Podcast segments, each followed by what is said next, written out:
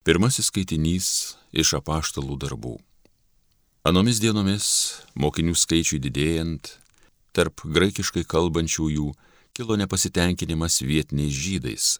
Esą kasdieninėme aprūpinime būdavo aplenkiamos jų našlės. Tuomet dvylika sušaukė mokinių susirinkimą ir pareiškė, nedėra mums apleisti Dievo žodį ir tarnauti prie stalų. Todėl, broliai, nusižiūrėkite iš savųjų septynis vyrus, turinčius gerą vardą, pilnus dvasios ir išminties. Mes juos paskirsime tam darbui, o patys toliau atsidėsime maldai ir žodžio tarnybai. Šis pasiūlymas patiko visam susirinkimui. Jie išsirinko Steponą, vyrą kupiną tikėjimo ir šventosios dvasios, Pilypą, Prochorą, Nikanorą, Timoną, Parmeną ir Mikolajų, prozelitai iš Antijochijos. Juos pristatė apaštalams, o šie melzdamiesi uždėjo ant jų rankas. Dievo žodis klestėjo ir mokinių skaičius Jeruzalėje greitai augo. Net didelis kunigų būrys pakluso tikėjimui. Tai Dievo žodis.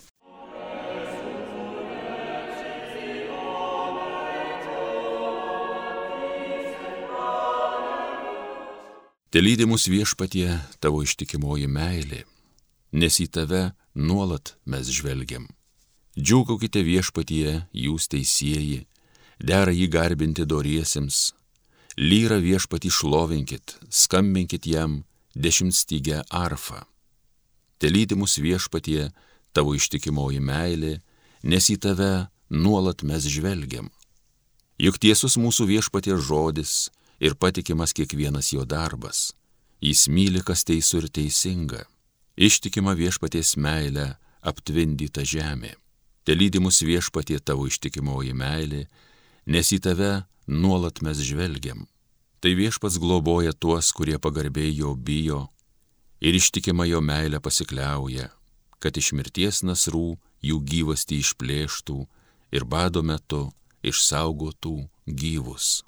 Te lydimus viešpatie tavo ištikimoji meilė, nes į tave nuolat mes žvelgiam.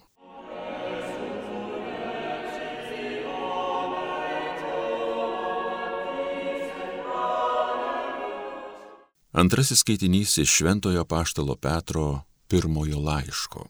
Mylimieji, ženkite prie viešpaties gyvojo akmens, tiesa žmonių atmesto, bet Dievo išrinkto brangaus, Ir jūs patys, kaip gyvėjai akmenys, statydinkitės į dvasinius namus, kad būtumėte šventa kunigystė ir atnašautumėte dvasinės aukas, priimtinas Dievui per Jėzų Kristų. Todėl rašte pasakyta, štai aš dedu Zijonė rinktinį akmenį, brangų kertinį akmenį, kas tik į jį nebus sugėdintas. Tad jums tikintiesiems atitek šlovė, o netikintiems tasai statytojų atmestasis akmuo tapo kertiniu akmeniu, suklupimo akmeniu ir papiktinimo uola. Jie suklumpa neklausydami žodžio, tam jie ir skirti. O jūs esate išrinktoji giminė, karališkoji kunigystė, šventoji tauta, įsigytoji liaudis, pašaukta išgarsinti šlovingus darbus to, kuris pašaukė jūs iš tamsybių į savo nuostabę šviesą. Tai Dievo žodis.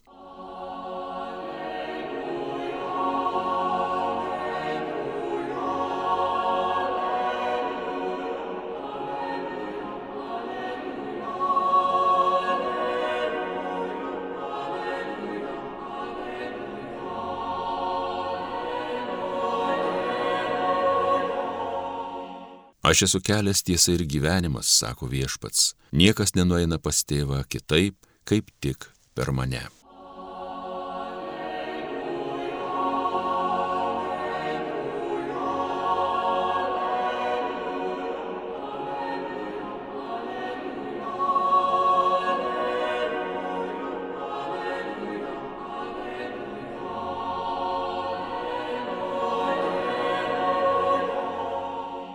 Pasiklausykite Šventojios Evangelijos pagal Joną.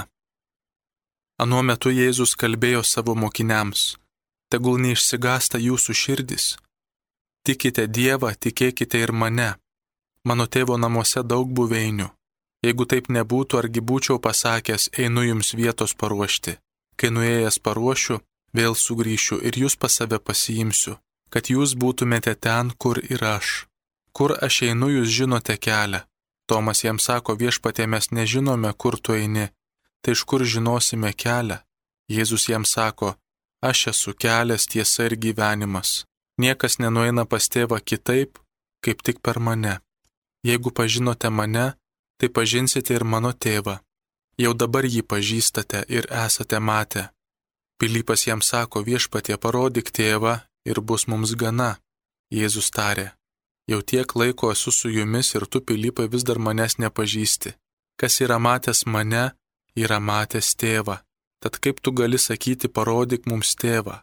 Nejau tu netiki, kad aš esu tėvė ir tėvas yra manyje. Žodžius, kuriuos jums kalbu, ne iš savęs kalbu. Manyje esantis tėvas daro savuosius darbus. Tikėkite manimi, kad aš esu tėve ir tėvas manyje. Tikėkite bent dėl pačių darbų.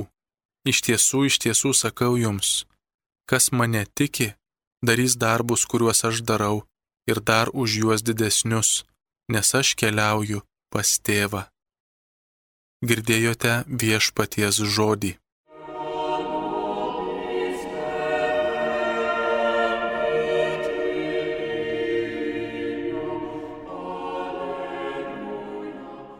Mėly Marijos radio klausytojai, o ne, atsiprašau, mielos klausytojos, juk šiandien motinos diena, nuostabiausia metų diena, gražioji gegužės pirmojo sekmadienio diena.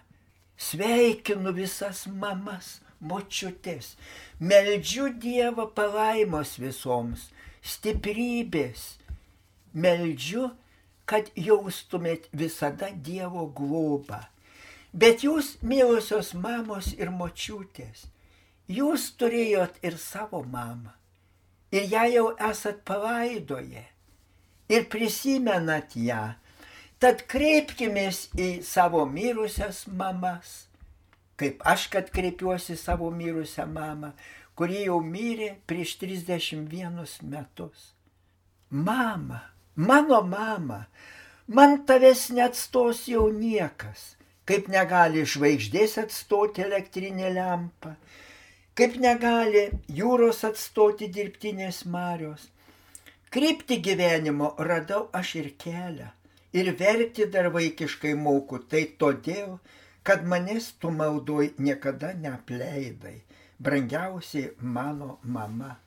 Mama, mama, Žinau, kad tu ir amžinybėje trokšti, kad ir aš savųjų maldoje niekada neapleiščiau, niekada neužmirščiau. Bet, mėlyjeji, ar žinote, ką Dievui buvo sunkiausia sukurti? Nežinot? Tas tvarinys labiausiai yra panašus į Dievą. Ko gero jau atspėjat, kas? ko gero mano užuominos užteko, sakot, kad tai mama. Taip, Dievui motiną sukurti buvo taip sunku, kad dirbo šeštą dieną viršvalandžius. Atliekęs angelas ir sako jam, Dieve, per ilgai krapštais prie tos figūros, o angelė, ar nematei, kokia ji turi būti? Ji turi būti rūpestinga, sudėta bent iš 160 judamų dalių, jos nervai turi būti stiprus kaip vielos, ant jos kelių turi tilpti bent dešimt vaikų, o jei pačiai atsisėsti, gana ir vaikiškos kėdutės. Jos nugara turi būti tokia tvirta, kad bent ką ant jos gali krauti, nors ir būtų nuo našto sulinkusi. Jo žodis visus turi gydyti, nuo raudos iki sielos skausmų. Ir jei reikia bent šešių porų rankų, angelas papurtė galvą. Neįmanoma viešpatė. Kaip bus su šešiom, šešiom porom rankų? O Dievas nusišypsojo ir sako angelui, žiūrėk, net vaikai mokyklose rašiniuose suskaičiuoja dar daugiau rankų. Štai kaip moksleivė Kristina rašo apie motinos rankas. Mano mama viena ranka maišo puodą, kita ranka valo dulkės, trečia ranka duoda mažiausiam gerti, ketvirta ranka ruošia valgį tėvui ir visiems kitiems, dar kita ranka duoda išmaldą elgetai, dar viena ranka rožančiui, kad melstis galėtų. Klasė ėmė juoktis. Mokytoja nutyla, susimasto. Kristina, kiekgi rankų iš tiesų turi tavo mama?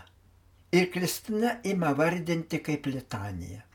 Mano mama turi dvi rankas tėtei, po dvi rankas kiekvienam iš mūsų, o mes septyni, dvi rankas gyvuliams tvartė, dvi rankas vargšui elgetai išmaldą paduoti, dvi rankas gerajam Dievui ir dar dvi rankas, jei kam prireiks pagalbos. Suskaičiavau, suskaičiavau, 26 rankos. Klasėje tyla, mokytojas sako, Kristina, tavo geriausias rašinys. Štai matai angelę, sako Dievas. Jeigu vaikutis taip suskaičiuoja, tai kodėl tu sakai neįmanoma? Rankos tai menkniekis, man Dievai galvos dėl to neskauda. Galva suku dėl trijų porų akių. O kam tiek reikia? klausia angelas. Poros akių reikia, kad matytų mama per uždarytas duris, kai klausia, kągi ten darote, nors puikiausiai viską žino. Kitos poros akių reikia ant pakaušio, kad matytų, ko neturi matyti, bet privalo žinoti. Ir žinoma, ji turi turėti dvi akis kaip ir visi žmonės. Jomis ji gali taip pažvelgti į bjauriai besielgiantį vaiką ir nors ne vieno žodžio nepasakytų, vaikas pajus, suprantu tave ir myliu tave nenaudėlį viešpatė, sako angelas, eik mėgoti, rytoj ką nors sugalvosi. Ką tu? Dabar niekaip negalima nutraukti darbo, nes jau turiu kažką, kas darosi į mane panašu. Beveik sukūriau tokią, kuri susirgusi save išgydo. 24 vaikus viena bandelė pasotina. Šešiametį vaikutį įpratina prieš valgį rankas nusiplauti o trimėti įtikina, kad molis nevalgomas ir kad kojos sutvertos bėgiojimui, o ne tripimui. Angelas lietai apėjo apie tą sukurtą motinos figūrą ir palėtė. Per minkšta sudėjavo angelas. Bet užtat švelni ir tvirta atsakė gerasis Dievas. Tu net neįsivaizduoji, Ką gali motina padaryti ir ištverti? Dieve, ar ji dar galvoja? Ne tik galvoja, bet ir nusprendžia, ir pasmerkia, ir nusileidžia, ir atleidžia, ir užmiršta. Pagaliau angelas pasilenkė prie jos ir palėtė pirštu jos kruostą. Žiūrėk, Dieve, šlapia, sunkėsi iš jos. Sakiau, Dieve, per daug tu visko į ją prikišai. Ir Dievas sako, tai ašaros. O kam jos Dieve reikalingos? Angelė, jos bėga iš džiaugsmo, jos bėga iš liūdėsio, jos bėga iš nusivylimų ir iš skausmo, ir iš vienišumo. Kaip genialu, sušuko angelas. Dievas susimastęs pažvelgė į motiną ir tarė, ašaros tai ventilis, kai jau ko nors per daug, kad išeitų iš vidaus, kai per daug. Ir ji tokia visada gali būti, visa galinti, visa mylinti, visa jaučiantis. Jie yra maldoje su manim savo viešpačiu, su Dievu.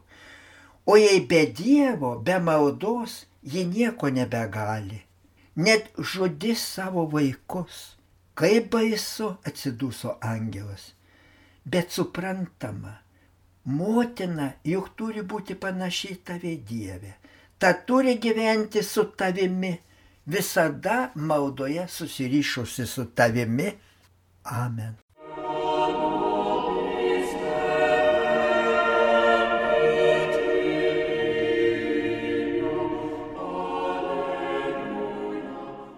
Homilyje sakė Panevežio vyskupas emeritas Jonas Kauneckas.